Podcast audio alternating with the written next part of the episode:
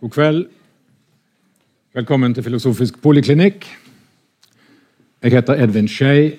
Jeg er allmennlege, professor i allmennmedisin, og har uh, syslet med denne poliklinikken i 20 år. Uh, vi begynte i 1998 med de første møtene. og Det aller første het fundamentalisme i hvitt. Um, denne poliklinikken uh, skal jeg introdusere litt, og så skal jeg overlate møtet til et par islandske venner. Um, det er mange som ikke har vært her før. Det er mange legestudenter her i dag. Jeg vet om nå tror jeg fem mentorgrupper som er her. Uh, og en fin blanding av uh, ungdom og mer erfarne folk. Sånn som vi liker å ha det her. Vi kommer til å ha, holde på den første timen med presentasjon og innledning og legge en del tanker og, og stoff på bordet til dere. Og så er det god tid til diskusjon etterpå. Her er to ledige plasser. Um, jeg har vært engasjert i legeutdanning siden jeg sjøl studerte i Bergen. Uh, og vi er mange uh, fra før og i min generasjon og seinere som har sett at uh, legeutdanningen har en tendens til å være så sterk på visse måter at andre ting faller i skyggen. Veldig sterk på biologi og teknologi og den type tilnærminger til helse men i alle vestlige land ganske svak når det gjelder å uh, gjøre seg kompetent uh, på det mellommenneskelige og det innvendige som skjer når en blir syk, og når en setter seg i rollen som doktor, og i alle de årene som det tar å bli erfaren og kompetent som doktor. Og Det som skjer da, har med følelser å gjøre absolutt hele tiden. Følelser er paraplytema for dette jubileumsåret vårt. Og det er et veldig gøy tema. Eh, det berører oss alle.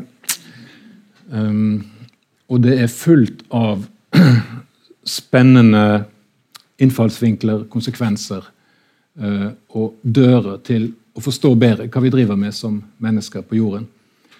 Hvordan vi skal utøve yrkene våre hvis vi er i omsorgsyrker. Og hvordan vi skal håndtere motgang, sykdom, svekkelse, aldring og alt det der som rammer pasientene. Og det er jo faktisk oss alle sammen, det også. Um, vi hadde et veldig festlig møte her i januar, som også var en perfekt innledning til åtte møter med temaet følelser og medisin, følelser og helse. Psykiater Sigmund Karterud eh, fortalte oss om personlighet. og jeg, Han ga oss en sånn fin modell at jeg tenker jeg skal repetere den og, og dele den med dere. Jeg, jeg har allerede begynt å, å, bruke det til å tenke med. Eh, og det er jo gjennomsyret av dette med følelser. Han kalte det for TAM-modellen. De TAM er engelske ord. Grunnlaget for en person er genetisk. Det er biologi. Hvem er vi som kropp? Og Der har vi et temperament, og der har vi noen primære emosjoner. Og Grunnen til at en kan vite at det er biologi, er at de lyser opp på bestemte steder i hjernen, som Sigmund Karterud kunne alle navnene på. som jeg heldigvis ikke kan noen navn på. Men det er fint at han vet det, for da kan jeg tro han, og så vet jeg ok, faktisk er det sånn at hos meg og hos Amandus og hos sjimpansene så lyser det opp på samme sted når vi blir sint, når vi blir glad, når vi blir seksuelt opphisset, når vi blir veldig interessert i noe. Altså, det er en syv, åtte, ni sånne primære emosjoner. Og Det er utgangspunktet. Og vi er skapt gjennom lang lang evolusjon, og dette er snarveier til å forstå verden, sånn at vi overlever. Vi blir redd på riktig sted, sånn at vi ikke blir spist. Eh, vi skaffer oss partnere og lager barn, sånn at verden fortsetter å rusle fremover på sitt ymse vis. Um, alle følelsene har overlevelsesverdi. Vi blir glad av å tenke. Og det er jo fordi at forståelse sikrer større sjanse for å overleve. Um, ok, Så har vi primære emosjoner. Men så lever vi et liv med erfaringer som forandrer oss og gir form til disse greiene. A-en i den modellen hans, så T-en var temperament. Sant? A-en er attachment, tilknytning. Det som skjer med oss fra starten av, er at vi er først inni mammas mage. Det er ganske solid tilknytning. Så må vi dessverre ut derfra. Og så kommer det en masse år hvor vi er veldig veldig prisgitt flokken vår og det som skjer med oss, og hvor tilknytning og det å hente trygghet ved å være noe for noen andre, er grunnleggende. Det tror jeg vi skal høre en god del om i kveld. Det utvikler personligheten vår på godt eller vondt. Det tredje nivået som Karterud kaller for M-en, det er mentalisering. Og det er det, den større formingen som skjer når vi flytter inn i verden. Når vi begynner på skolen, når vi lærer språket, når vi blir en del av den kulturen vi er i, når vi utsettes for sosiale medier, venner, speiderturer, alt dette der. Og lærer å se at andre ser oss. Mentalisering er å kunne se seg sjøl med andres øyne, og på den måten oppstår selvet, sier Karterud og de psykiaterne der. Uh, og Det som skjer i, gjennom tilknytning og på dette mentaliseringsnivået, det er at vi får en masse følelsesmessige reaksjoner på de primære følelsene. Ikke bare blir vi redd, men vi blir flau for at vi ble redd. Eller vi, sint. vi blir sint fordi vi blir redd. Og det oppstår hele det eh, fantastiske, nyanserte spekteret av følelseskvaliteter som vi finner igjen kanskje ikke først og fremst i psykologi og de vitenskapelige fagene, men i litteratur og i kunst og i eh, nærvær med andre mennesker, eh, med natur eh, osv. Um, skal snart gi meg, men jeg vil si en liten ting om medisinen. Og, og det som er fremdeles en god grunn til å ha en filosofisk poliklinikk, og ganske mange andre ting for å minne medisinen på at det er veldig viktig at vi er gode på teknologi og molekyler. Og stille diagnoser, skifte ut hofter og gjøre organer noenlunde bra.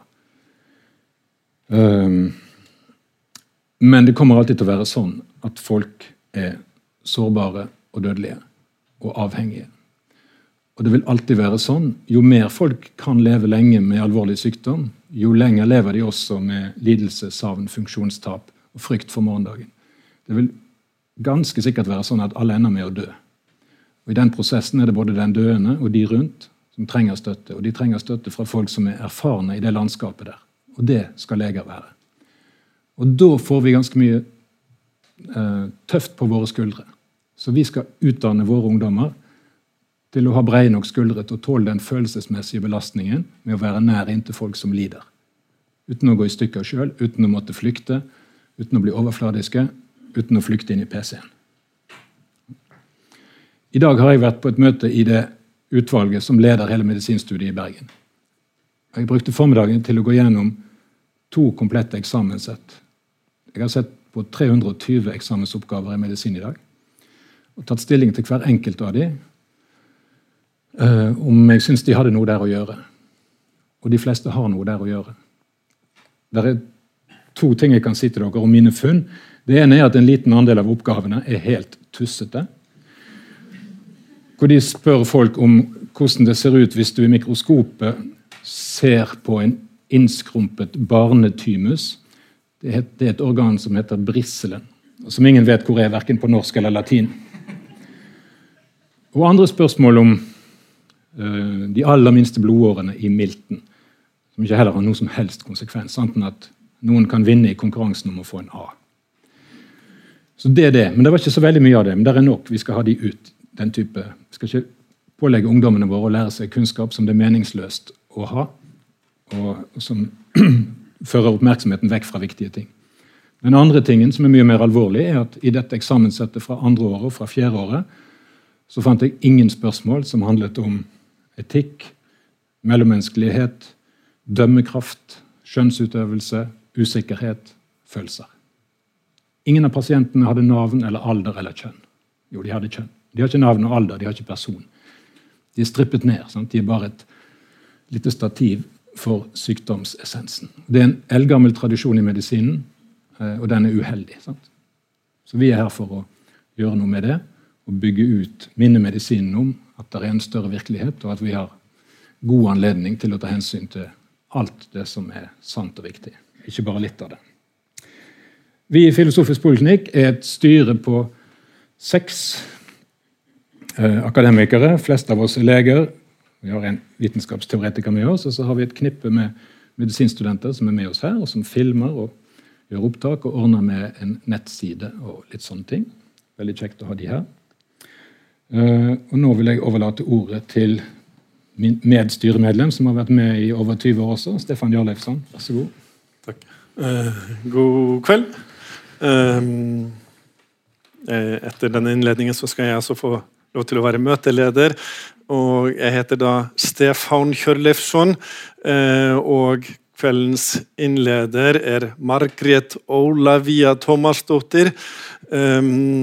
vi vurderer å la resten av kvelden foregå på islandsk.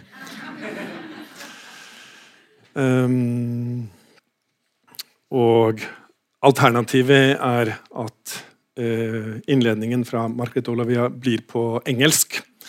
Um, Margaret skal uh, ha en innledning på omtrent 15-20 minutter. Um, etter det, i neste fase, så skal uh, jeg stille henne noen spørsmål og så skal det gå over i dialog med salen, hvor, eh, hvor dere kan stille henne spørsmål og, og, og diskutere med, med, henne. Så det er gangen i det. Um, kveldens innleder eh, har uh, nylig avlagt doktorgrad. Hun er eh, fastlege på Island. Har kommet hit spesielt i dag for å for å være med på dette møtet. Kommer fra jobben sin som fastlege på Island. Hun har før jul avlagt doktorgrad ved Universitetet i Trondheim, NTNU, med en, eh, en tittel på engelsk 'Multimorbidity in the Norwegian Hunt Population'. An epidemiological study with reference to the concept allostatic load. En tung tittel. Eh, dere skal få det forklart, eh, noe av det, og på et eh, enklere språk. og det Um, the Norwegian hunt population har ikke noe med jegere å gjøre, det kan jeg avsløre allerede. Um, veldig glad for at du ville komme. Uh, vi har fra Filosofisk poliklinikk i Bergen fulgt med på forskningen i, i Trondheim, og, og, gratulerer med nettopp avlagt eh, doktorgrads Eh. Vær så god, ordet er ditt. Si ifra hvis du trenger eh, teknisk hjelp fra meg eller de bakerst. Og så tror jeg salen er veldig klar for det de egentlig kom for, og at mannfolkene slutter å snakke. Tusen takk. Takk for å ha meg her i kveld. And that's about my Norwegian. so I'll switch over to English. Does everybody hear me? Is it okay in the back? Yeah, great. Okay. So I'm extremely honored to be here tonight and to be able to share with you my passions for general practice and for the theme of my PhD thesis. I will start a little bit with my passion for general practice. The work of the GP, it works, it's fine. the work of the GP is unique in many ways. It's unique as it builds on long term relationships between doctor and patient through the life course of the patient from the cradle to the grave. The GP can help the patient with a wide variety of different problems that arise through the life course. He often knows the whole family and the wider social surroundings of the patient, and therefore can understand things in a deeper way than many other doctors. At the office, we could see this little girl here with repeated ear infections. This seven year old girl that doesn't want to tell us why her stomach hurts all the time. This teenager that's hiding the cuts on her forearm. The nervous pregnant young, young woman. The happy young woman on this shiny picture, be it true or false. Up until this older woman. Which we can also describe in another way on the next slide. Now, this is Mrs. Multimorbidity. She's a 62 year old patient of mine. She has, as you can see, six different long term illnesses. And because of that, she takes 19 different medications on four different times during the day. She should follow a strict diet an exercise program, but she never feels well and she's always tired. Understandably, patients like Mrs. Multimorbidity are difficult to deal with, as can be seen on my face here on the lower left corner.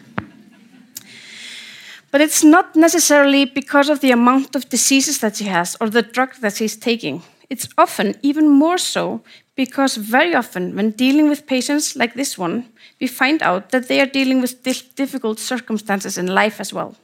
And often their main focus is on these problems, as Edwin was saying.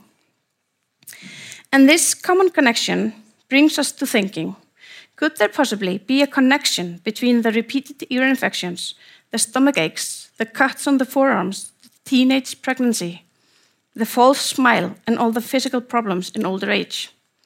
This was our main question as I began my research. Now, firstly, when we talk about multimorbidity that I mentioned before, we tend to think that it's quite rare. But really, as you can see here in this slide from my PhD project, it's quite common. In fact, it has even been called the new norm, as most of the patients that come to see the GP have multimorbidity. And it, it has, in fact, been termed one of the biggest healthcare challenges in the 21st century. Multimorbidity has been defined as two or more chronic diseases in the same person. And we can see in this picture that's from the Hunt population, which is said to be a general Norwegian population.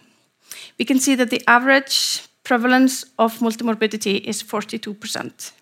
But even three or more chronic diseases has a prevalence of 23%. now, before moving further, I want to talk a little bit about this guy.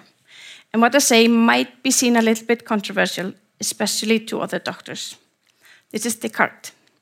In the 16th century, his theory about the body and soul being separate things received public acknowledgement. This was, in fact, the cornerstone of the greatest advancement in medicine, because in these times, separating the body and soul meant that the body was no longer holy and that you can finally examine it scientifically. However, this idea meant more things. It meant that the soul did not affect the body or the development of physical diseases. The workings of the body were looked at similarly as a machine that could be cut down into smaller and smaller fragments that could be examined in isolation. People believed that the explanation for the failure of an organ could be find, found within the smallest fragments of the organ itself, not the wider connection of things, especially not in connection of the soul. This is, for example, the root of medical organ based specialities and now subspecialities within the medical profession. The scientific movement has also created a certain hierarchy of disease as well defined, easily manageable diseases, preferably with a drug that the industry can support research on, are much more scientifically examined. While more complex system based disorders or diseases with complex ways of management are less researched due to their complexity. Therefore, the gap in knowledge between different diseases increases steadily. This has as well led to a move in medicine away from managing diseases causing complex symptoms to managing mainly risk factors. That is, we have become proactive instead of reactive as a profession. This imbalance in medical research has been termed epistemic injustice by the philosopher Miranda Fricker. Now, some might say that it means that we have become so caught up in the branches and the leaves of the trees that we have long forgotten about the forest. However, the forest is where my interest is, and that I will try to talk about tonight. Because when we think about the wider picture, as in the case of Mrs. Multimorbidity, one cannot help but wonder could there be common roots to this all? The idea of common causes to diseases built on great scientists that published their first articles in the 1990s. The most famous are probably these two here Michael Marmot, an epidemiologist working in London, who has done extensive research on the effect of social injustice on health, and then Vincent Felitti, a doctor that has, that has with his co-workers, examined the effect of adverse childhood experiences in on health in adult, adult life. Now, if we start with Dr. Folletti, since his first publication in 1998, he has published a myriad of articles on adverse childhood experiences. Now, his original work was on middle aged, middle class people in San Diego in the US. The adverse childhood experiences are predefined events from childhood that are listed in this picture. It's physical, emotional, and sexual abuse, physical or emotional neglect, or household dysfunction, such as a parent with serious mental illness, a parent in prison, violence against the mother, substance abuse in the home, or divorce. What he found is that the number of adverse childhood experiences increase the number of negative health outcomes increase in a stepwise manner. As you can see, for those with zero adverse childhood experiences, uh, the prevalence of negative health outcome is much lower than for those with four or more. The possible risk outcomes are listed on the, on the picture here, and in the lowest, uh, you can see that it's heart disease, cancer, stroke, COPD, and osteoporosis, to name a few, but there are a myriad of different diseases. Felitti has said the following about what he calls the public health paradox. And this is a quote I find extremely important. He says, Many of our most common and intractable public health problems are unconsciously attempted solutions to personal problems dating back to childhood, buried in time and concealed by shame, by secrecy, and by social taboo. And what he means there is if you take, for example, the, the, the example of smoking.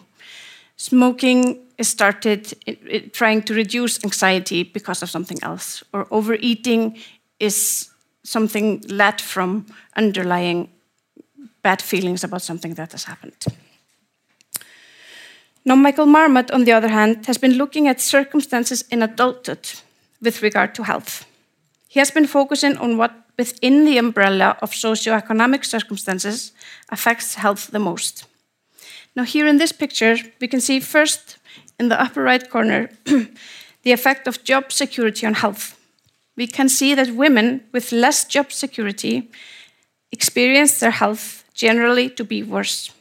And here on the lower picture, we can see the connection between work effort and heart disease.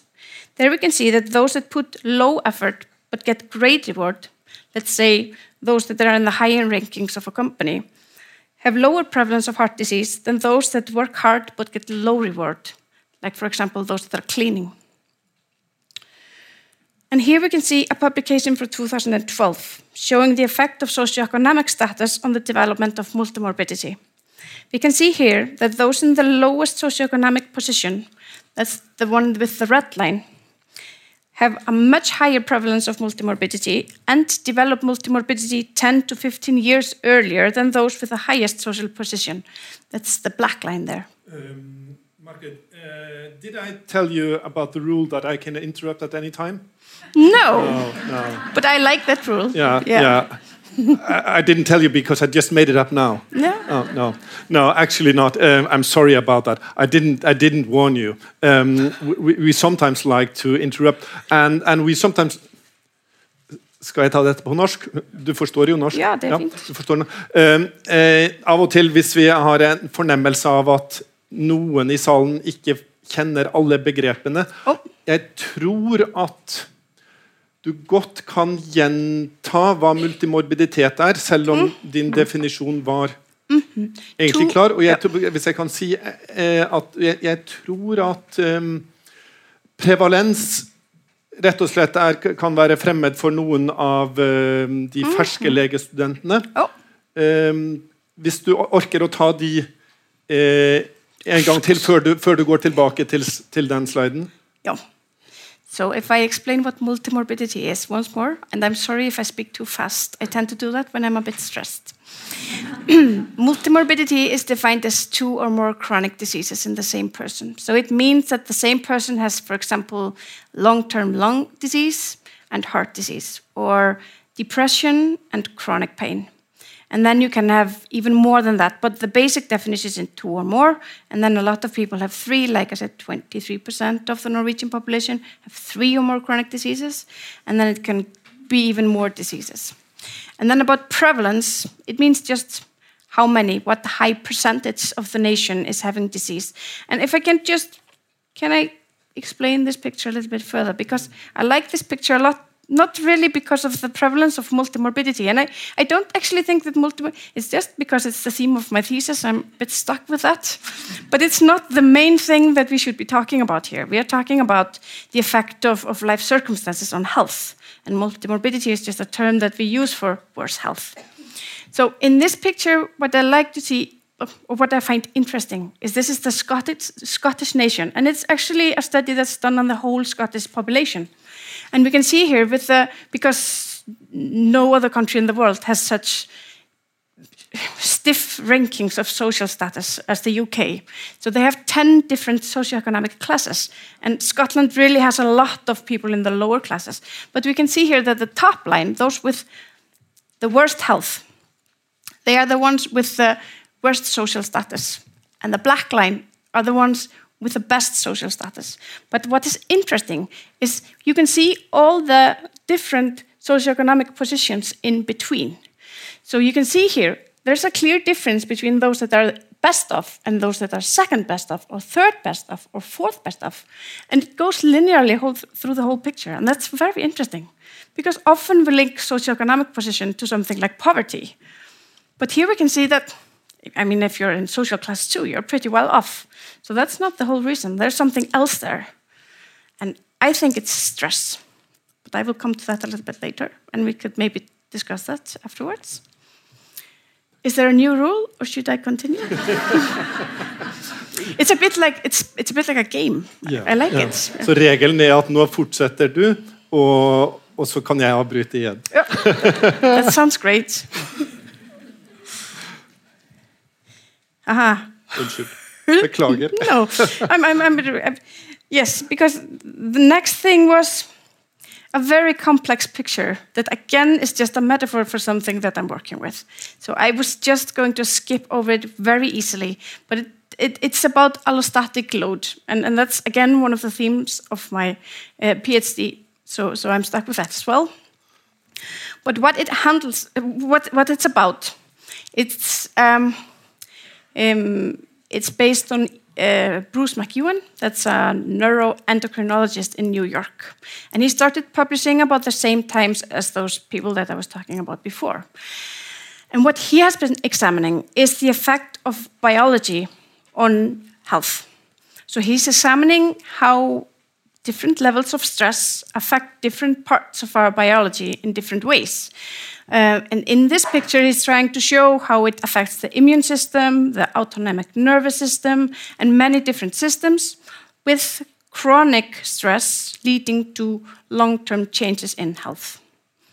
And what he's been thinking about as well is that the effects on this biological imbalance that's caused by stress is by mental gains and physical gains, something like um, strong relationships, physical activity, good sleep, healthy food.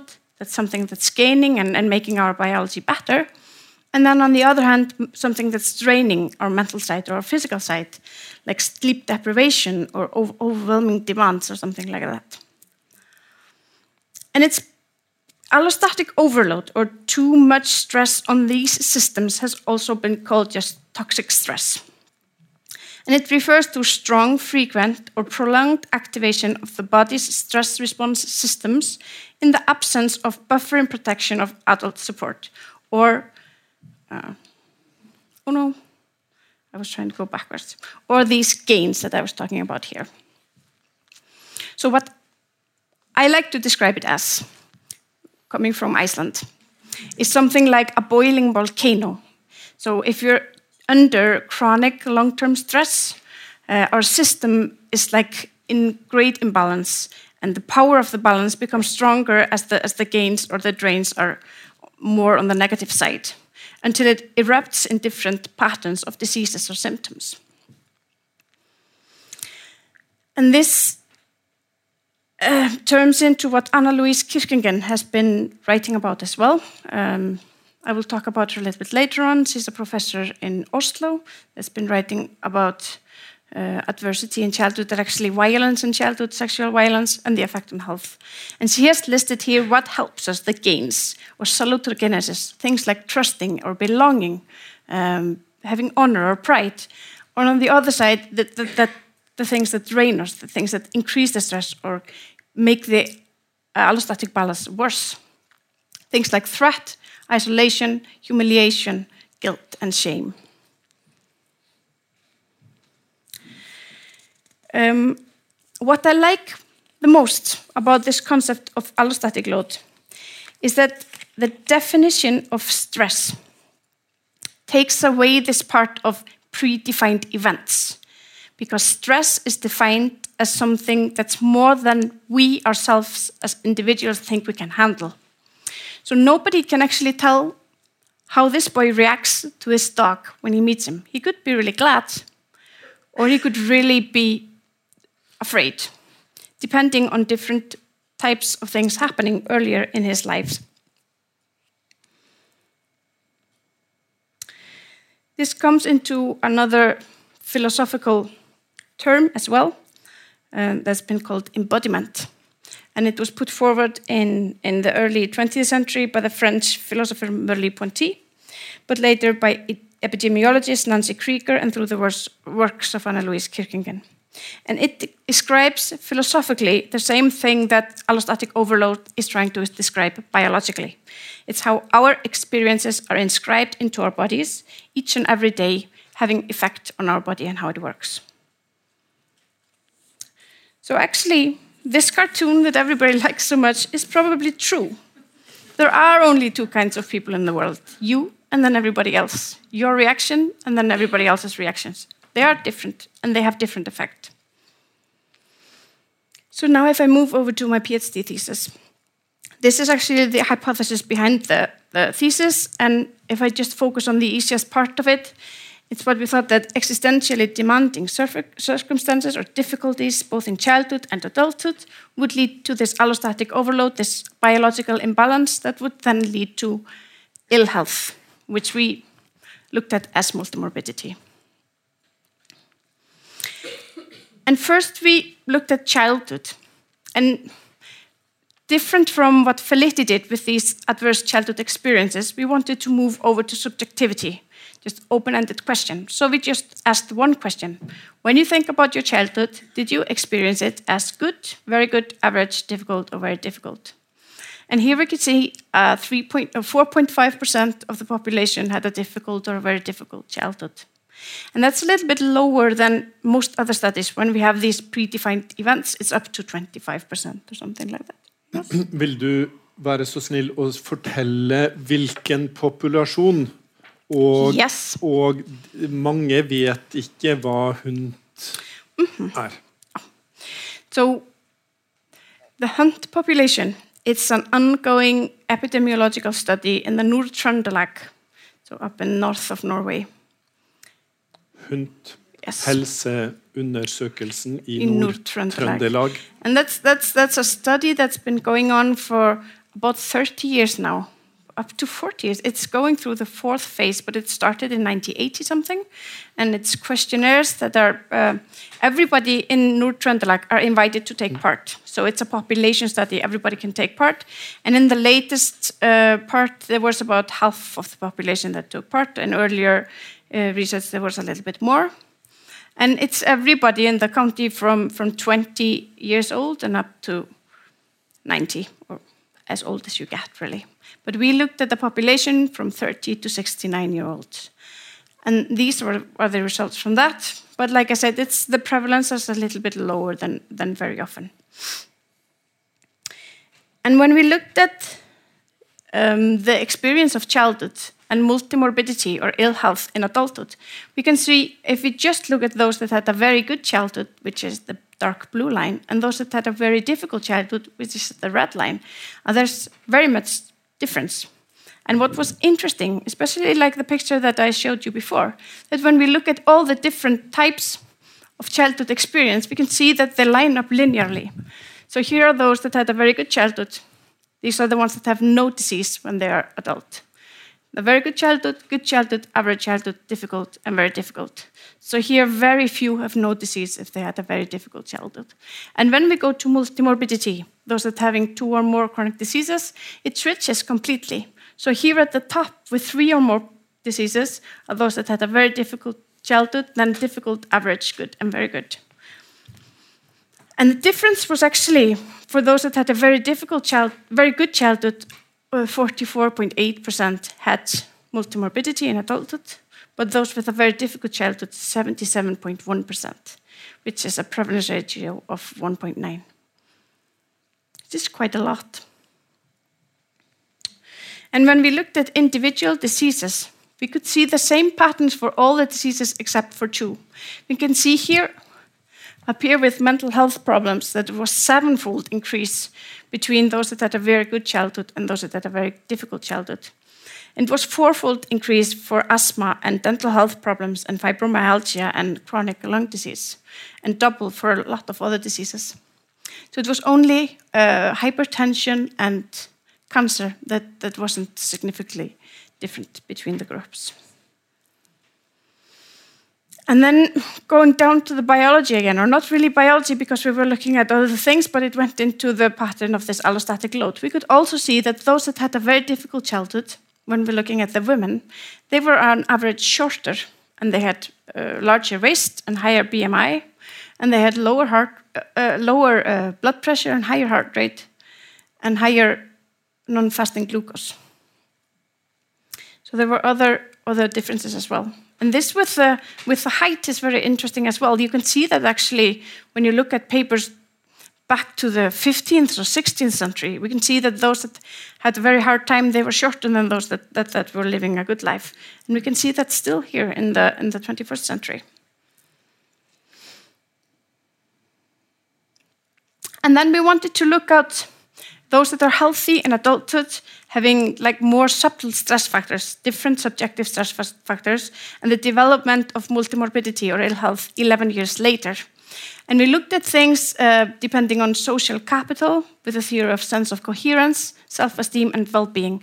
And we listed these different types of subjective, subtle stress factors in adulthood and the development of multimorbidity. Yes?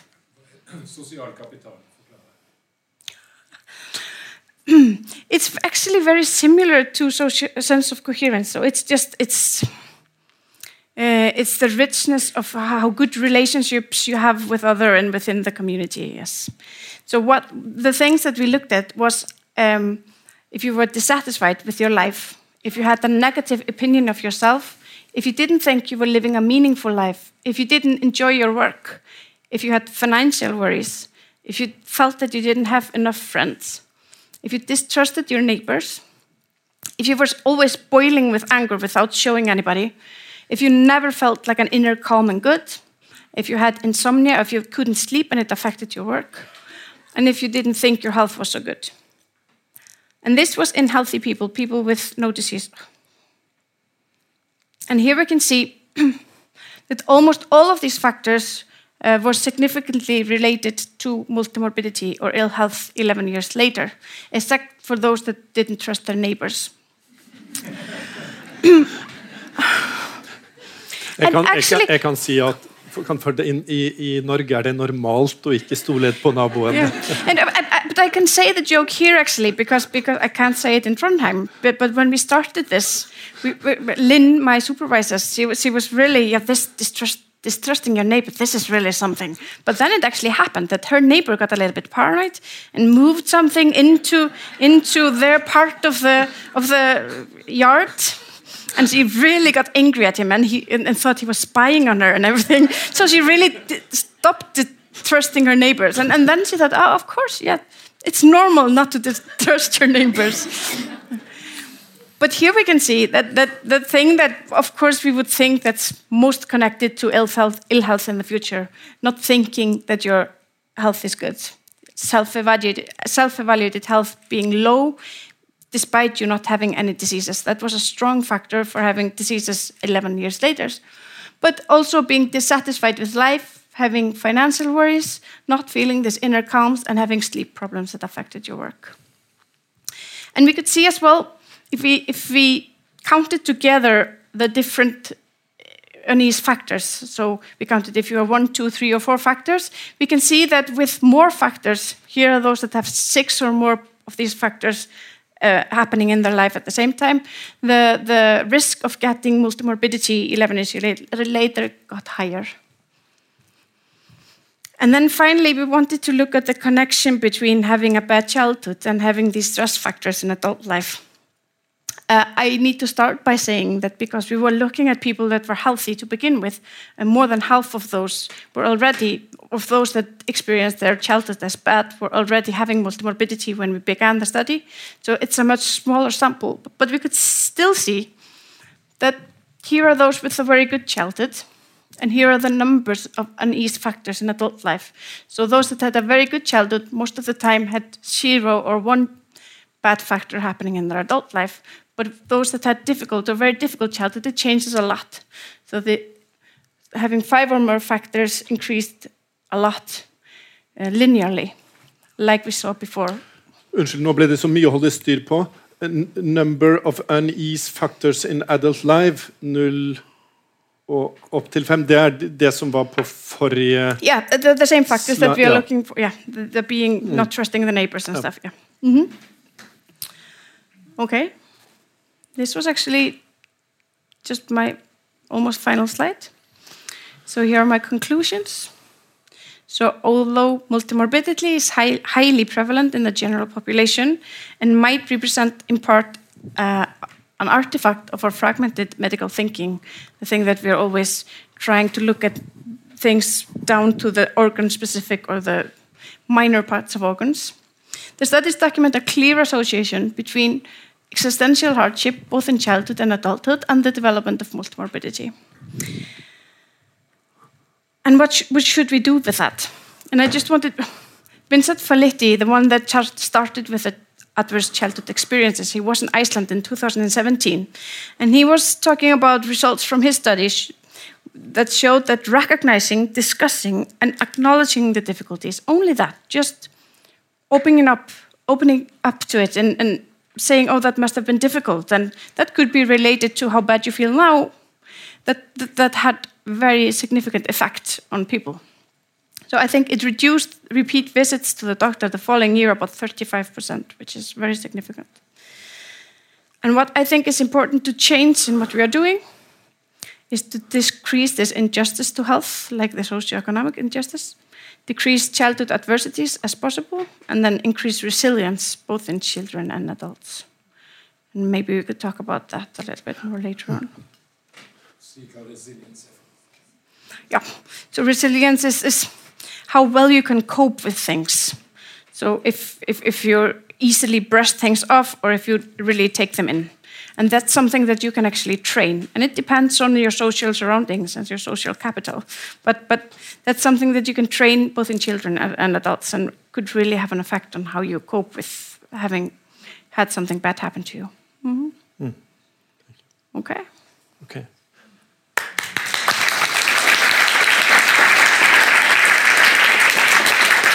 Now we should just. Yes. Vær så god, sett deg. Um,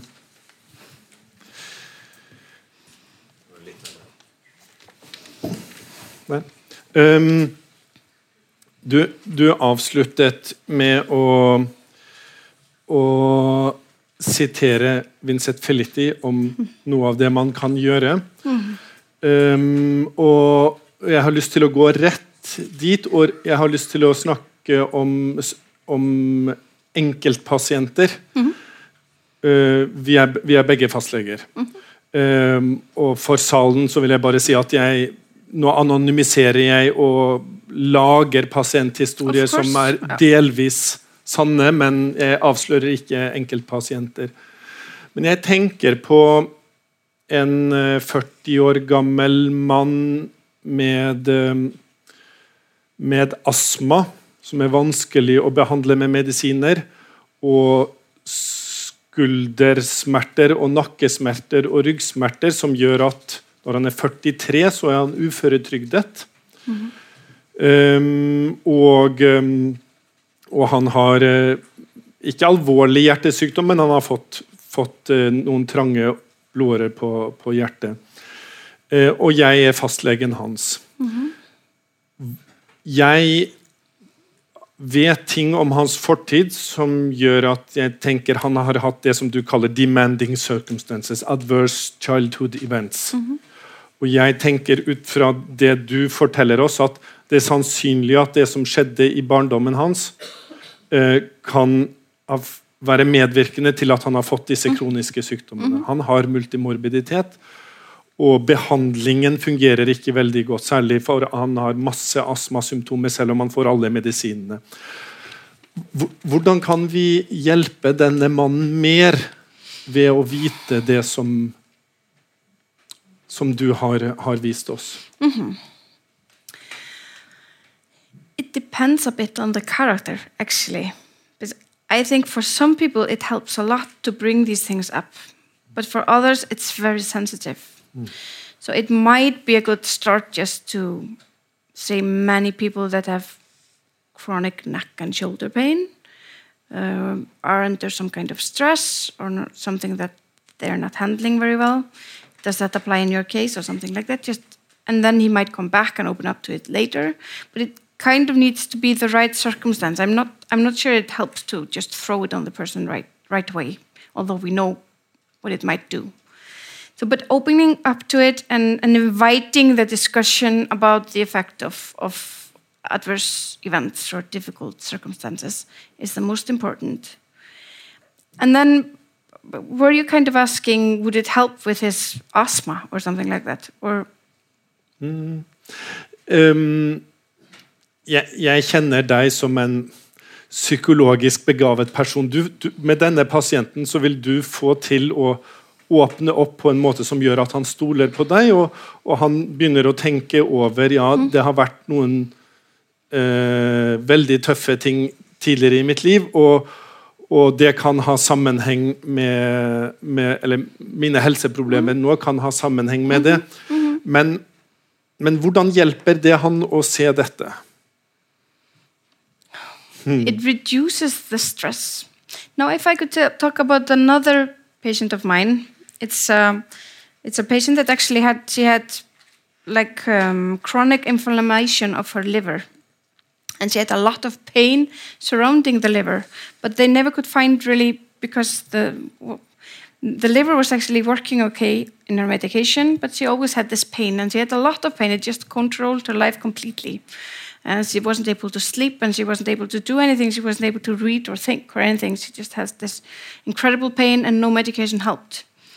And then I just started seeing her regularly, and, and we opened up to, and it was absolutely unbelievable the, the things that had happened to her. It was always more and more, both in childhood and adulthood, and different times of adulthood and everything. And we were just by discussing it, uh, by acknowledging how much it mattered to her, how it affected how she, um, how she reacted to things that were happening in her body or in her circumstances.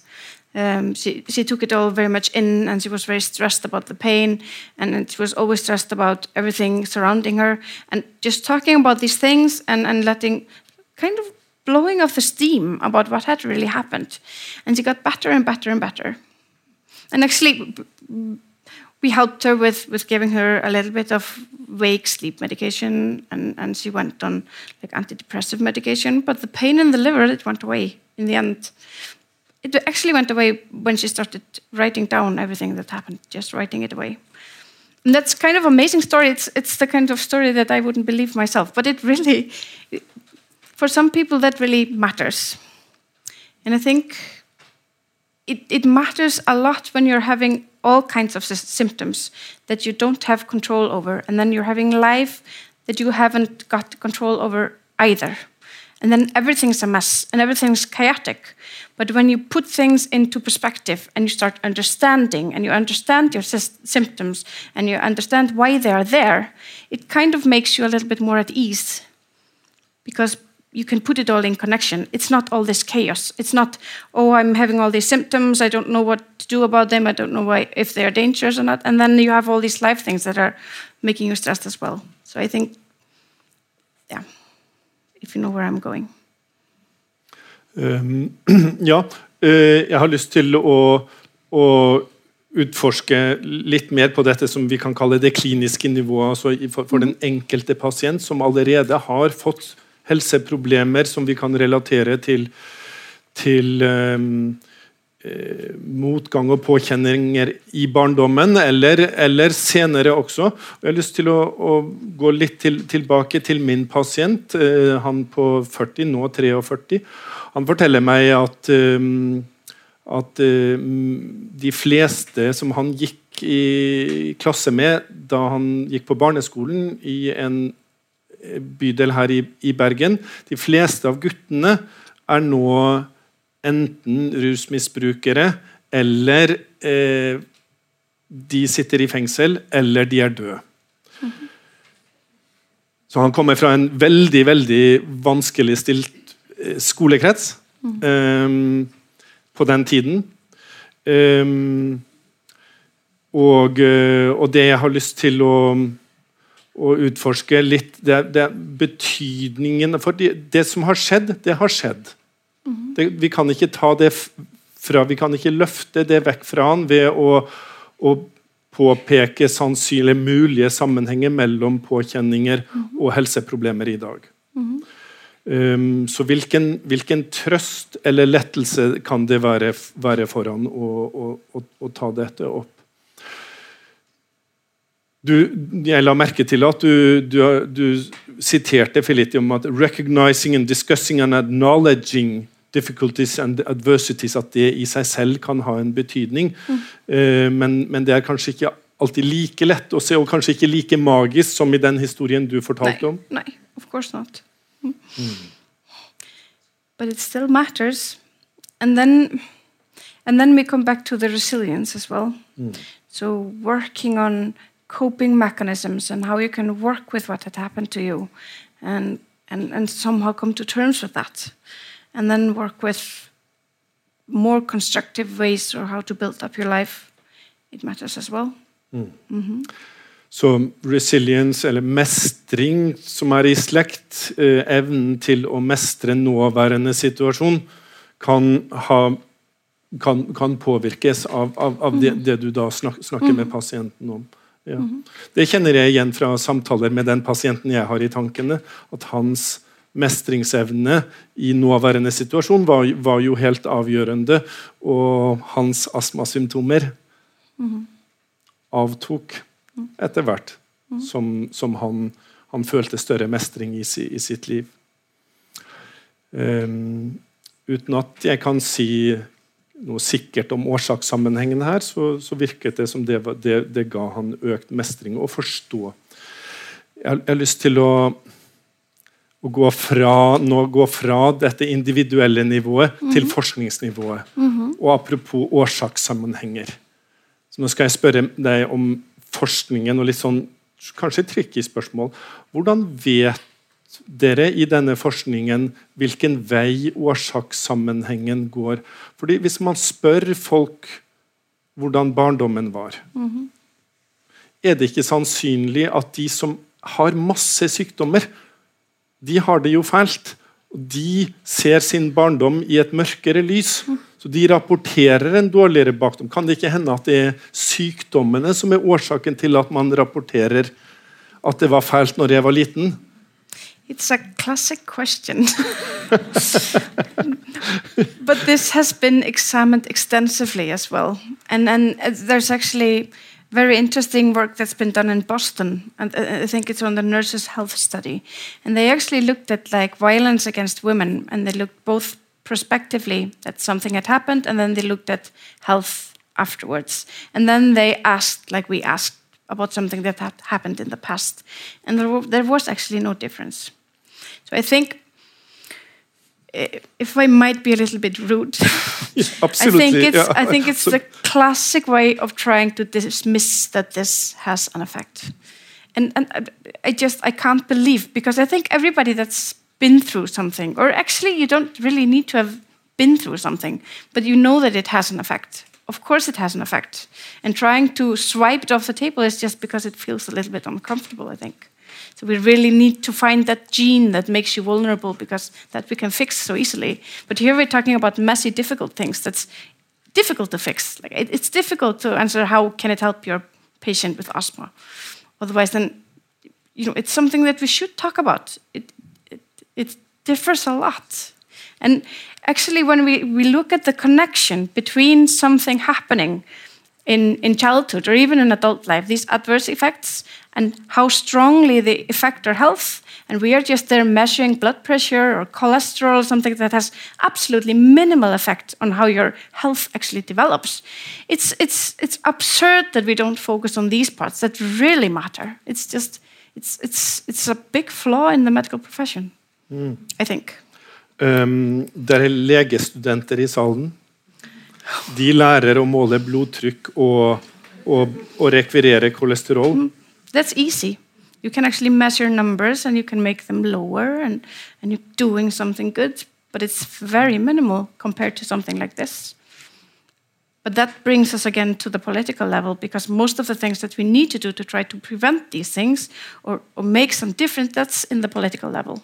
That's trying to reduce injustice that actually talking about children about violence for once for one thing you know trying to instead of measuring their height and weight and everything just open up the discussion we're always afraid of that and i don't mm. think we should og, og, nå snakker du ikke om bare i én til én altså på, på, legekontoret men no in schools and, and, and yeah in the home everywhere i think it, mm. it should be more opened in the in the discussion in the community It actually is changing a lot, though, with the Me Too revolution and everything. So it's it really is changing, but we need more. Mm. Har du lyst til å forklare sammenhengen? Du nevner metoo. Hva forandrer den som har med, med dette å gjøre? That's just We are talking about all forms of violence. Mm and and not only violence but but stress factor something that's difficult in your life. It, it affects your health. And and me too is of course a part of that. Both both the violence in it and then there's the minimizing or, or you know like I like I, I put up on the screen feeling guilt and shame and and, and being put down and everything. It, it, it matters to health as well. It increases your allostatic overload and yeah, leads to ill health if you can't put off the steam somewhere. Mm. Mm -hmm. Nå har jeg tenkt å slippe salen til. Få noen fra første rad til å ta tak i mikrofonen. Should I stand up as well? Could I? Could, yes, ja. Absolutt. Da er det åpent for eh, spørsmål, kommentarer, all slags innlegg.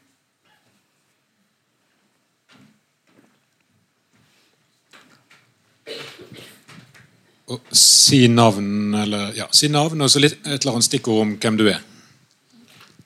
Helene heter jeg, går femte året på medisin. Eh, jeg lurer på om det var noen kjønnsforskjeller du så i de dataene du samla inn? Could you help me with that? Uh,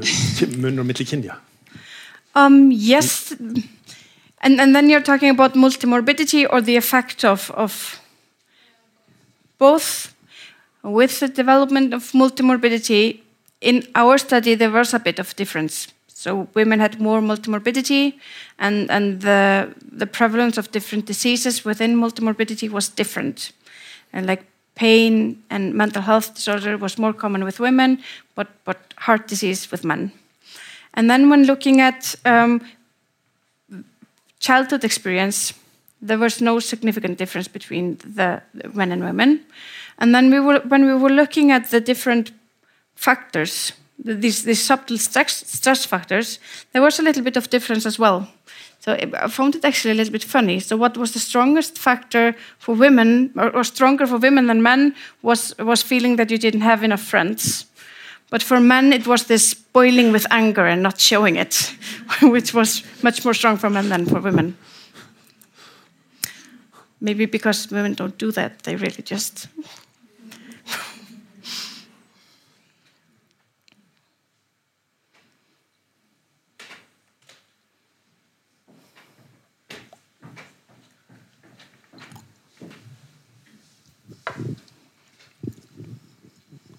Eh, Øystein Lemme Kristiansen, eh, tidligere gammel allmennpraktiker og nå gammel psykiater.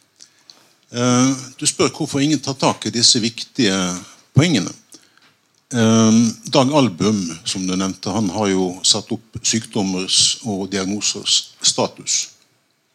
Og Der ligger altså dette med psykiske lidelser, rus og muskel-skjelettsmerter helt på bunn. Det som har status, det er hjerne, nevrokirurgi og eh, akutt hjertesykdom, og etter hvert også de kreftsykdommene du kan gjøre noe dramatisk med. Um, vi har en økende subspesialisering i medisinen. Siste talt oppe opp, hadde vi 44 spesialiteter. Det som gir status, det er å være enormt flink på sitt felt og vite minst mulig, eller ta minst mulig sjanser på andre felt. Jeg tror at dette som du helt riktig påpeker, er viktig. Det tør ikke folk gå inn på, eller det gir ikke nok status. Det er mer interessant å bli lynende flink i sin egen smale, dype sektor. And it's easier as well. It's very easy just to be very clever at a very small thing that you do all the day, all the time, every day, in and out. But this is difficult. It's messy, and, and you don't really know how to act, and you, you need to find out where the person that's sitting in front of you is and how you should react today, and, and it might be completely different the next day. And so this this hierarchy of specialities uh, is very old-fashioned. But, but I don't know. I don't know how to comment on that. It's just we like to we like to, to be able to master something. We like to do something that we are really good at. It's difficult to do something that's always in the gray area. And, and I think that that's the same reason why general practice in psychiatry is not as popular as a specialty for medical students because it's messy and difficult. And yeah. Når jeg først har mikrofonen. Eh, vi støtter stadig bort til dette gamle eh, eventyret om de blinde menn og elefanten. Som skal beskrive The Blind Man in the Elephant. Yes, yes, yes, exactly. hmm Som alle har rett, og alle tar feil. Jo. Ja, jeg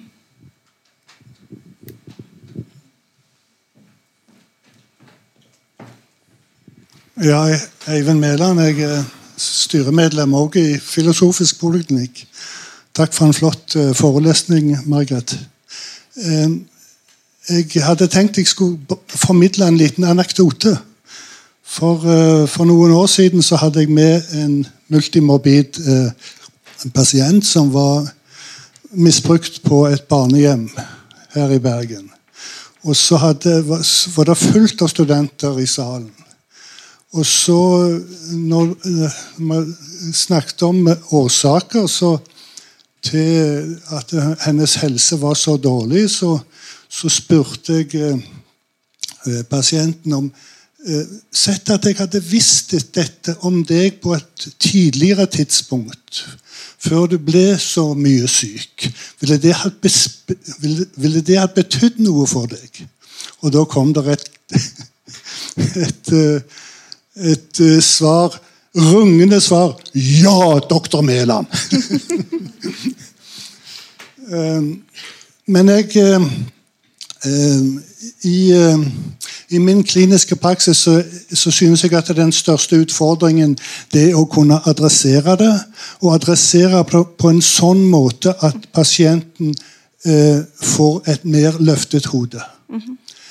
Og eh, det er måter å eh, nærme seg dette på som kan føre til stakkarsliggjøring og offerforklaring, og som kan sementere sementere uheldige uh, mestringsforsøk fra pasienten. Så jeg syns det er viktig at vi, at vi skiller mellom, de, mellom, mellom måter å nærme seg dette på.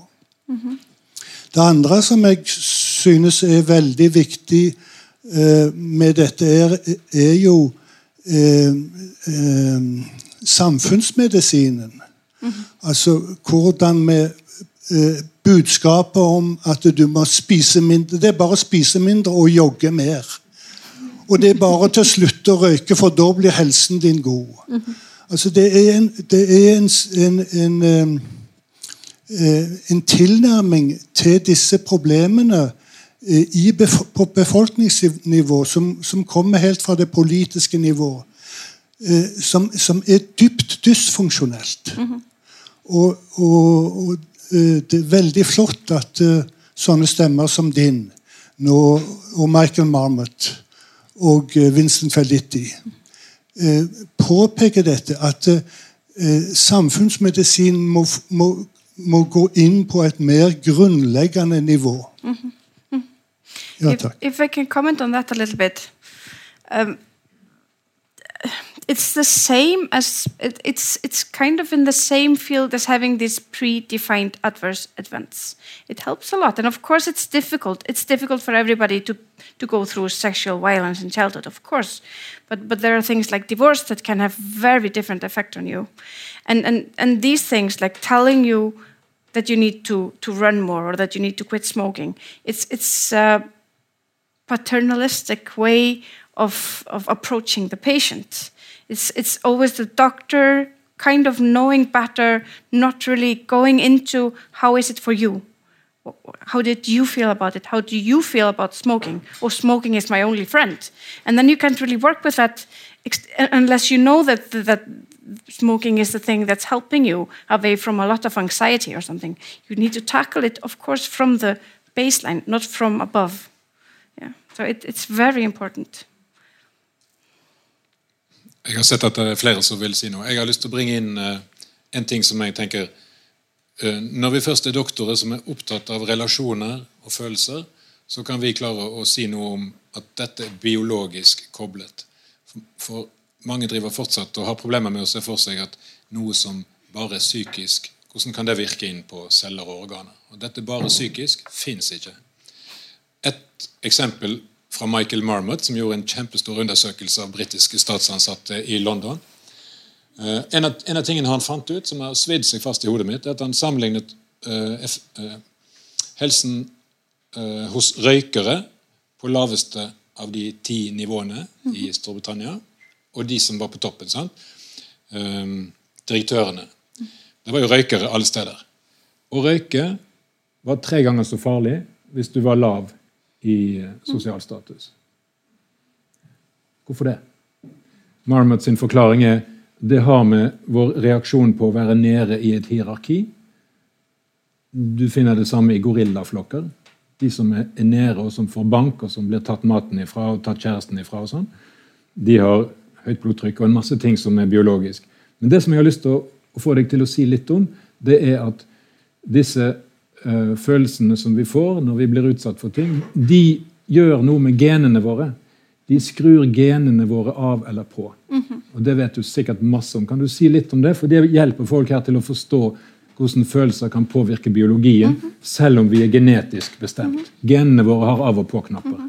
And, and that's, that can happen in two ways, ways, actually. That's with epigenetics and then with telomeres. So if we start with epigenetics, it's, it's the old saying about if you want to um, bring up a good child, you need to start in the childhood of the mother. So it means that if something happens to you in childhood, it changes how your genes express. And that goes on to your children as well. So it's inherited. So if something happened to you, your genes work differently, and then you have a child, and they have the same difference in the genes. So that's one thing. The other thing is with the telomeres. So the telomeres are the ends of the genes, and they are something like a life clock, if we try to put it easily. So as the telomeres get shorter, um, your life expectancy is shorter, or Yes, so yes. So, so if you're under a lot of stress, if you had some kind of adversity or something happened to you, your telomeres or your life clock gets a little bit shorter, and it it it it, it make it makes you um, more likely to get different diseases. Um, most diseases, even cancer, though that didn't come out in my research, and and, and it, it, it, it even predicts mortality. So the, these are the two ways that it, uh, these adversities and stress affect our genes. Okay. Jeg heter Mille Stenmark, jeg er femteårs medisinstudent. Um, apropos dette med å uh, adressere utfordringer, som ble nevnt i sted, så lurte jeg på om eh, Når dere har sett på sånne adverse um, events uh, hos barn, har dere sett noe forskjell i senere utvikling av multimorbiditet hos barn som eh, hadde noen å snakke med, eller der utfordringene ble håndtert på en eller annen måte, og hos barn der de ikke ble det helt tatt? We couldn't do that in my research. And actually, I don't know that that has been done.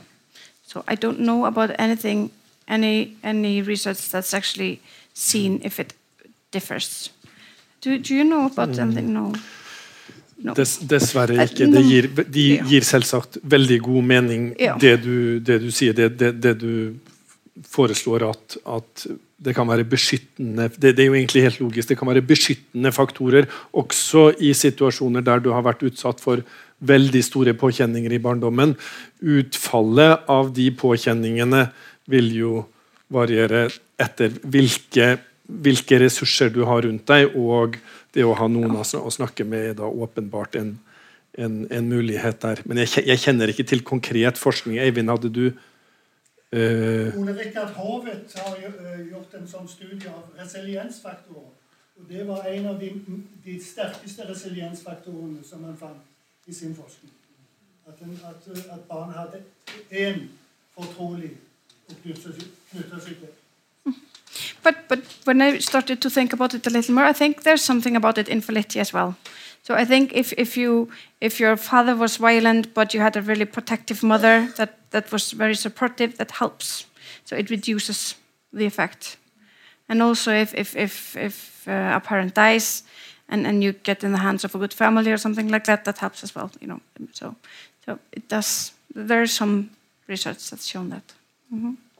Uh, my name is Marit Graue. Thank you for a very interesting presentation. I think it's so important that somebody um, make this uh, as a, a um, important topic to, to go on with. Uh, my background okay. Mm. Min bakgrunn er sykepleie, og vi driver også en del eh, empowerment-baserte intervensjoner. Og her i Hordaland så har jo vi en del eh, eh, legekontor som har da gjerne en, eh, tre fastleger, fem sykepleiere. Både på Voss for eksempel, på Os eksempel, har de. Jeg lurer på hvordan er det på Island? Har dere mer sånn teambasert samarbeid på fastlegekontorene? uh, there's not a long tradition for it. It is starting uh, for for children that we have like this family team. So we have these um, the psychologist, the psychiatrist from the from the um, psychiatric ward for children, and the sociologists and the nurses and doctors working together as a team for those that are uh, having more difficulties. But but that's the only thing that we have right now in in the primary healthcare in Iceland. I think, and it's it's young. It's just starting. So yeah.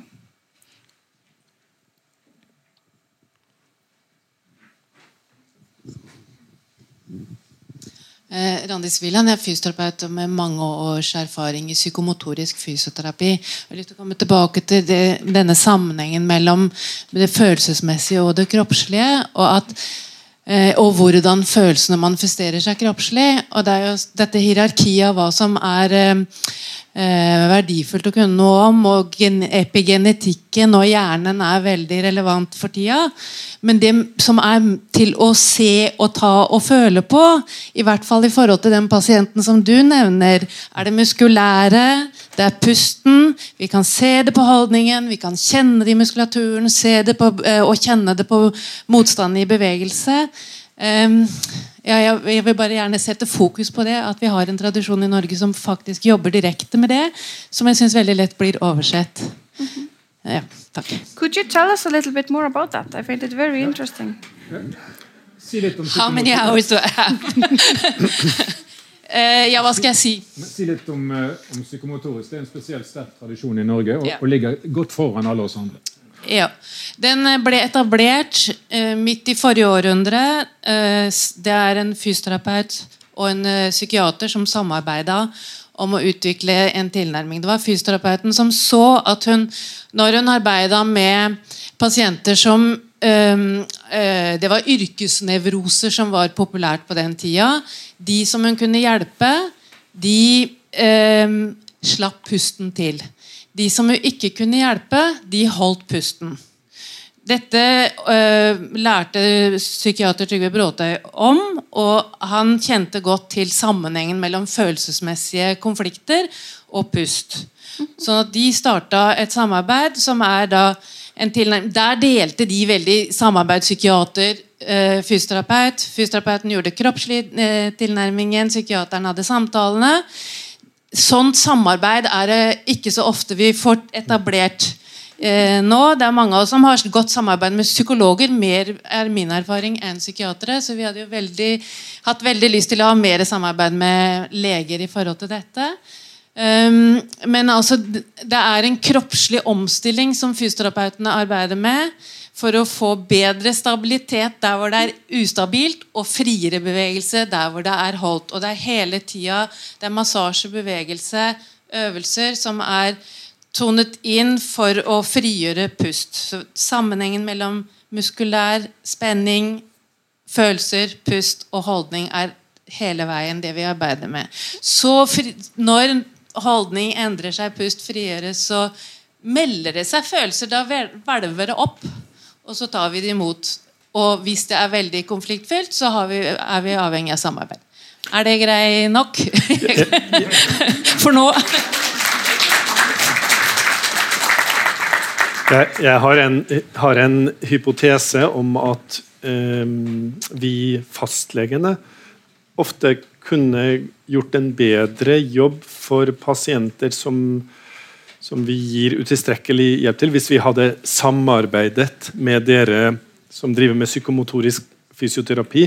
Noen av oss henviser, men vi er ikke flinke nok til å lære av dere eller inngå i samarbeid med dere. Mm. Mikrofonen forsvant bak, så er det en her på første rad etterpå. Hei, jeg heter Elisiv. Jeg er legestudent på femteåret i Bergen. Jeg skriver femteårsoppgaven min på kommunikasjon med overgrepsutsatte i Norge. Mm -hmm. sånn at I forhold til dette med beskyttende faktorer, det fins, men ikke når man søker i PubMed. Det fins når man søker på regjeringens sider i på en måte sammendragsdokumenter av all forskning som fins, der er det satt opp forskjellige beskyttende faktorer i noe som heter 'Barndommen kommer ikke i reprise'. Der finner man på en måte punktvise lister på det. Med på en måte både disponerende beskyttende faktorer på alle former for overgrep. Eh, og så hadde jeg et spørsmål i forhold til epigenetikk. Er det noe du sier til dine pasienter? For man må jo også ha et håp om at dette kan bli bedre at hvis denne mora eller faren får gjort noe med sine problemer, at over tid så vil det bli bra hos neste generasjon. Eller over flere generasjoner. Har dere sett noe på det? If it should be something that we talk about or not? Or was that your question? It reminds me a little bit of a comment that my friend, because friend told me the other day, because I think it can do good and bad, and that you need really need to read the patient that you're talking to. Because now in Iceland we have like this big book coming out that was supposed to be given to every woman that had just had a child, and it was called The First Thousand Days. And was from the day that you got pregnant and, and the first thousand days of the, of the child. And how important everything was that you were always doing something with the child and feeling happy and, and how that affected the brain of your child. And my friend was really angry because she felt it was putting enormous pressure on young mothers to be reading about this. You couldn't have a day off, you couldn't cry, you couldn't just be lazy and be on your phone and not really thinking about your child all the time. And we have had a lot of pressure about breastfeeding, and she just felt it was one more thing of putting women down. And that was her experience of it. For other women, I think it would be a great thing to read something like this and try to work with that. So it really differs who you're talking to about what you say. But it might help because epigenetic is, is the gene expression. It's not something that cannot be changed. So it's something that you can change, and that's, that's a really important part of it. Jeg heter Solveig, jeg er også femteårs medisinstudent. Eh, jeg lurer på hva du tenker at vi som en dag er ferske, uerfarne leger, eh, kan dra med oss når vi vet denne Eh, denne kunnskapen her for å på en måte benytte den best mulig når vi kommer ut i praksis? Just be aware of it and don't forget about it. And just approach the patient as a person with feelings and something that happened in the life before he met you. So I think that's the most important. And just be open and, and, and let the person tell you what he wants to tell you about these things. Jeg har gått og ventet på en anledning til å koble meg på Stefan sin historie om den pasienten. For det er mer som kan sies der. Og det er også svar på ditt spørsmål. Et av, et av svarene. Men eh, han gutten som hadde vokst opp i den bydelen hvor alle var i fengsel eller død eller narkomane han? Ikke alle i bydelen, men, men ja. Det, er, det bor noen der fortsatt, men uh... Ikke gå vekk, ikke gå vekk. Jeg skal være han lite grann. Um, og så har Margrethe snakket om sosial kapital. Og det er, jo, det er jo det du sa, sant? jeg, jeg stiller meg på Margrethe sin side. og så Du er han. Ja. Du må bestemme deg nå. Du går frem og tilbake hele tiden. Jeg, jeg tenkte jeg skulle være nær deg, for dette handler om, om å våge nærhet. Ja. Um, de som har veldig dårlig sosial kapital, sånn som en sånn gutt uh, En annen måte å forstå det på, som er mye tydeligere, det er å, å se for seg at de har vokst opp med voksne rundt seg som aldri var til å stole på. De har vært på fylla, de har vært vekke, uh, de har vært så syke og dårlige sjøl at de har vært på mobilen absolutt hele tiden. Dette er grov omsorgssvikt, som det er masse. Et barn som vokser opp sånn, får aldri sjansen til å ta vare på den tilliten han hadde når han ble født. Den blir banket ut av han, eller eh, frosset ut av han gjennom manglende respons fra omgivelsene. Tenker Alle vi som sitter her, har hatt ganske mye respons fra våre voksne når vi var små. En sånn kar har hatt temmelig lite av det. Når han da blir voksen, så vil han være veldig veldig forsiktig med å prøve seg med tillit. For hvis du prøver deg med tillit, så vil avvisningen bli desto mer smertefull.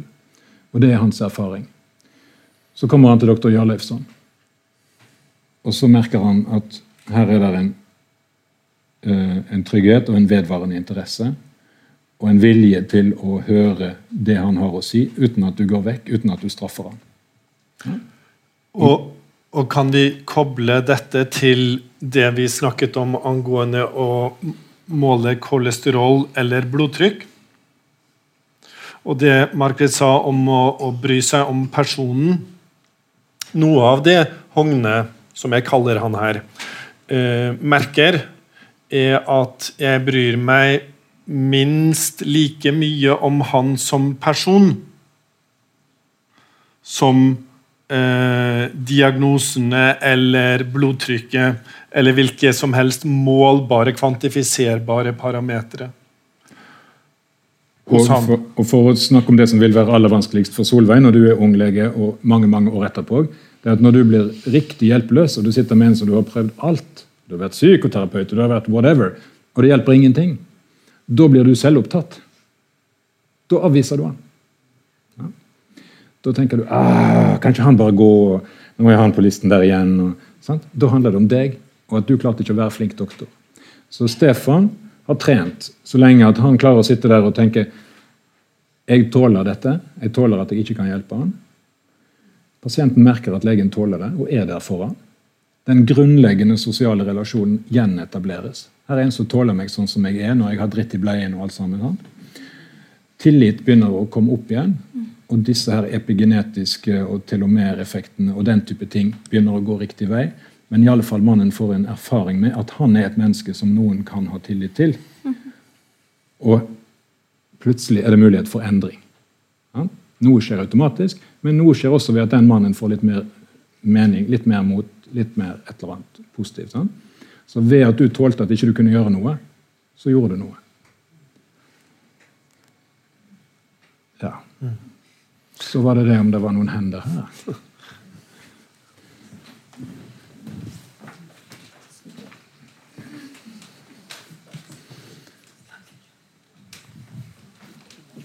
Hei. Jeg heter Nina. Jeg går på profesjonsstudiet i psykologi. Eh, som jeg har jo veldig mye om Eller tradisjonen vår er jo eh, at eh, tidligere erfaringer har, har eh, mye implikasjoner for senere fungering. Eh, jeg syns det er veldig spennende Eller for vi har et semester med eh, biologisk psykologi og kognitiv nevrovitenskap, så det er på en måte en stor del av Eller en del av vårt studium, da. Er det òg en del av eh, legestudiet? Nei.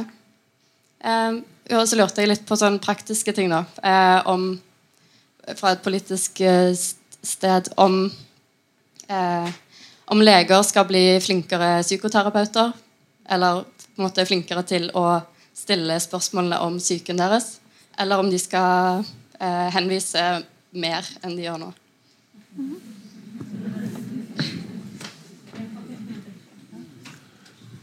Det er et opplagt svar at vi må alle sammen vite om dette med primære emosjoner, tilknytning, mentalisering eller samtenking. Alle må vite det. Og Så vil det komme noen effekter av det, og så henviser vi de vi allikevel ikke klarer å hjelpe godt nok, til deg. Um, det er ikke noen hender akkurat nå. Jo, jo unnskyld. Yngvild. Beklager. Heter jeg. er gynekolog. Styremedlem i Filosofisk poliklinikk. Det at jeg er gynekolog, gjør at jeg er en av disse her eh, helsikens organspesialistene da, som eh, ikke kan se skogen for bare trær.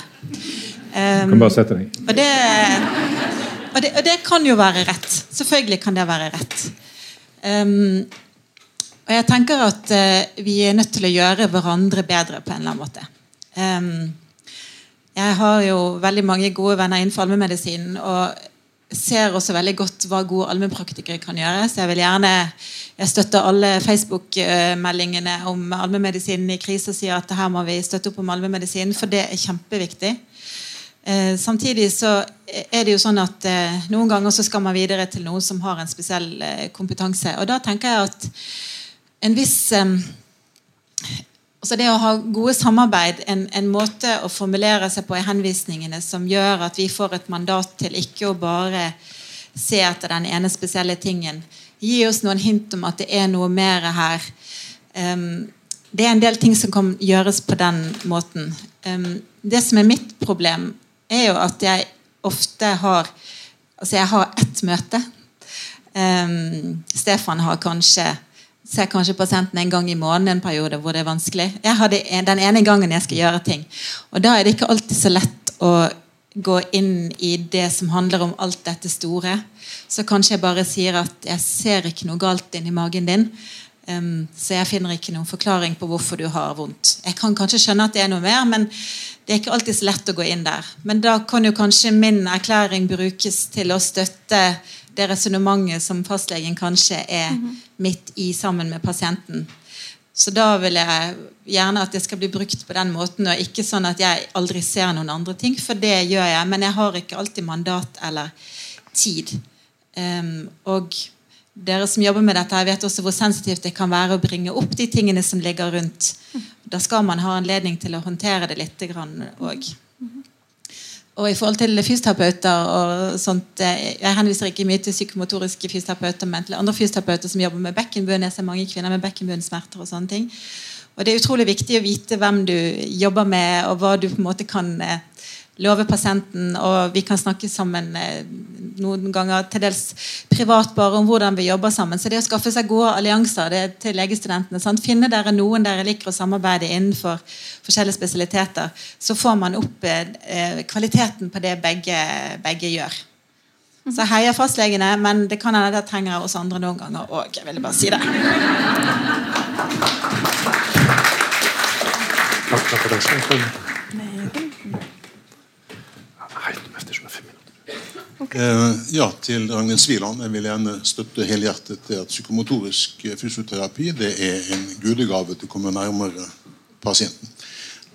Eh, det som bekymrer meg litt, det er at nå fra 1.1 så er det ikke lenger krav om henvisning til fysioterapeut. Og Det betyr jo da at det formaliserte samarbeidet det kan i grunnen falle vekk. Det er litt synd. Eh, så dette andre Det skal jo ofte ikke så mye til. Atul Gawande er en kar som eh, begynte som kirurg og vel gikk mer over i det palliative, som er lindrende behandling i kreft. Og Han har skrevet en nydelig bok som heter 'Being Mortal'. Der nevner han det helt enkle forskjellen mellom å si at leverprøvene dine har steget, og på den annen side å si at det bekymrer meg at leverprøvene dine har blitt verre. Det skal ofte ikke mer til. Eh, jeg jobbet et år på Rikshospitalet som eh, psykiater på psykosomatisk avdeling. Og kom jo borti mye depresjon f.eks. på nefrologisk avdeling. Og så spurte jeg av og til hva sier Det er nyreavdelingen. sant? Ja, nyreavdeling, ja. Hva sier nyrespesialisten din om dette? Og så så jeg da pasienten ble styrt på, på meg og sa jeg ble gæren, jeg kan ikke snakke med han om det. Så folk velger oss ut fra det de tror vi kan tåle å høre. Um, Jeg kan ta det. ja, um, jeg har lyst til å bare understreke at boken som du nevnte, 'Being Mortal' av Atul Gawande, er, er en, en vidunderlig lesning.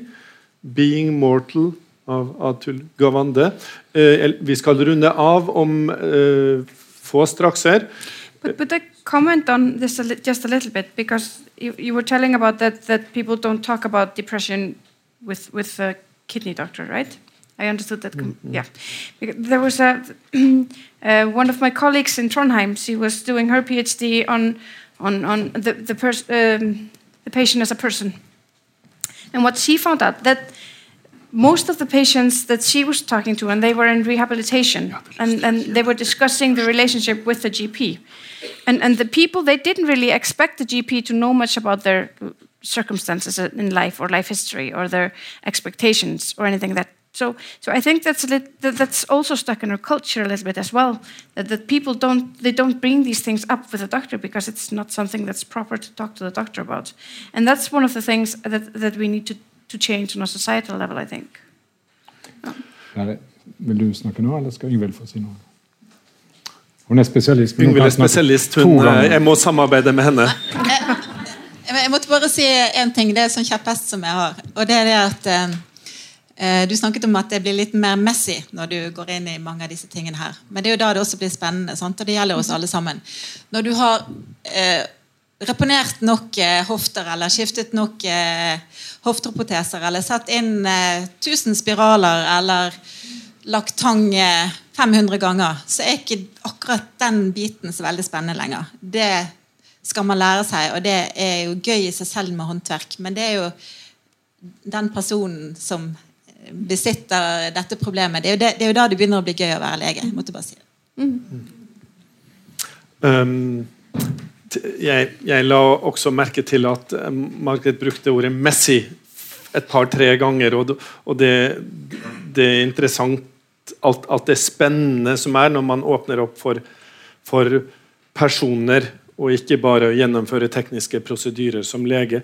Jeg hadde lyst til å utfordre deg, eller spørre deg om om eh, mulighetene vi har som leger, og, og gjerne adressere det til legestudentene i framtiden. Vi har snakket om at, at de må tørre å gå inn i det som er messig. -hmm. Vi har snakket om kliniske situasjoner hvor man, hva man kan snakke med pasienter om, og at det kan være spennende, men, men komplisert. Og at de må ha ferdigheter til det, og de må tørre å gjøre det.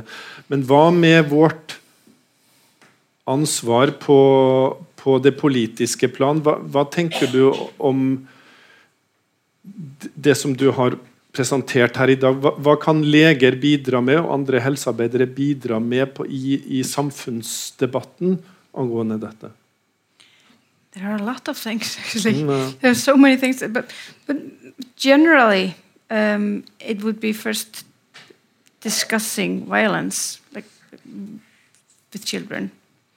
That, that's something that we should open up. Um, and then Diskutere med barn, eller, eller diskutere vold mot barn i, i, i, i samfunnet? both, both, I think it, it should be part of education in schools and, and, stuff like that. That's, that's important. And then it's uh, social inequalities, I think, that are the most important. And there are many ways to change that, but that's complicated and I think too much to talk about right now. But, Mm. but the health inequalities due to socioeconomic deprivation are the thing, I think, the most important things to change regarding health politically. Politically. Helseulikhet pga. sosial Ja. klassedeling? Ja. Ja. Mm. Vil du si noe om hvilken rolle du tenker at leger kan ha i det? Regarding I det å, å redusere helseulikhet som, som følge av sosial ulikhet? on a political level. Yeah. How we could do that, Er, har vi en rolle i det? of course, Mm. but but mostly just you know talking about it Mm. and showing it repeatedly because it's Mm. it's very important. Rapp So- rapportere det? Yeah. Mm. Mm. Kanskje. Unless you want to go into politics, that's one way of doing it. and we actually we, we have a mayor in Reykjavik who's a doctor, and he's been thinking a lot about these changes that you can do um, to reduce a little bit uh, the the social inequalities. What he has been focusing on mostly is is uh, to have mixed um neighborhoods so that there's not not something like a ghetto or something some place where all the um, Hvor alle guttene havner i yeah fengsel. exactly Eller, ja. because he, research has shown that that if you have a mixed class in, in school where, where people uh, where the kids are of different social class um, the children on the highest social class they help all the other children in the in, in, in this class. Mm. they, they pull them up. So so it matters a lot as well. Just Mm. not being yeah. stuck in surroundings where everything's hopeless. Yeah. Uh, Etter min mening så har Daur Eggertsson, uh, rådmann i, i, i Reykjavik, vært svært modig i å sette dette på den politiske agendaen på Island. And an- another thing that he's doing, because we have neighborhoods that are really where poverty is, is, is more common than in other neighborhoods, of course, as is in other all cities, I guess. So he's focusing a lot on those neighborhoods that, that where, where there's most poverty, and he's reducing the children there. They get free access to football clubs and, and, and all kinds of, of uh, sports activities because that's shown as well to increase your so- social status as you grow up. To have this supportive relationship through sports. So that's another way that he's trying to change the society, yeah, which I think is helpful as well. Vi skal, eh, vi skal gi oss øyeblikksnavn. Ja. Men um, en ting som kan sies, er at veldig mange av de som har hatt det dårligst, um, sånn som ditt eksempel I den grad de husker hva som skjedde med dem som barn, så føler de skam uh, og føler seg små og uverdige. Det er dårlig for biologien, men det gjør også at det er ikke akkurat det de vil presentere når de går til doktor. Derfor får ikke vi de historiene. For de ligger under, som Felitti sa. Sant? Der er en tynn snerk, nei, en tjukk skorpe av skam og tabu. Som gjør at folk til dels ikke husker, iallfall ikke vil presentere det. Og som også gjør det vanskelig for leger å ta temaet opp. En, og det er noe jeg tror vi kan gjøre noe med. Jeg tror vi gjør noe med det i kveld. Fordi dette, dette er jo tross alt en dråpe i, eh, i den bekken som kan handle om åpenhet og delt kunnskap om disse tingene, og at den type følelser er allmennmenneskelige, med skam og behov for tilknytning, kjærlighet og alle disse tingene. Og Det må inn i de faglige diskursene, som i dag er sterilisert, og det menneskelige er tatt ut. Så Det vil være en forandring. Før jeg takker dere skikkelig, så vil jeg reklamere for det neste møtet i denne serien. Og det blir gøy. Det tror jeg også kommer til å bli utsolgt. Da kommer Gunvor Launes, som jeg var så utrolig heldig å gå på kull med på medisinstudiet her. Og hun er også en erfaren allmennlege som ble psykiater, og som også nå har hatt en karriere som standup-komiker i Mandal. Og hennes spesialitet er tvangslidelser, og hun kurerer tvangslidelser på måter som er for noen veldig ekle, og for andre veldig gøye. Dokost i håret, det tipper jeg hun kommer til å presentere. Det er en av hennes spesialiteter. Og, og det møtet der, det heter 'æsj, så ekkelt', og følelsen heter aversjon. Og Takk. så ja, Takk til Margaret Olavia for eh, at hun kom og innledet og var med på diskusjon. Setter veldig stor pris på det. Det skjer dannelse, modning, eh, utvikling gjennom sånne samtaler. Så det er et viktig bidrag. Tusen takk. Takk til begge islendingene.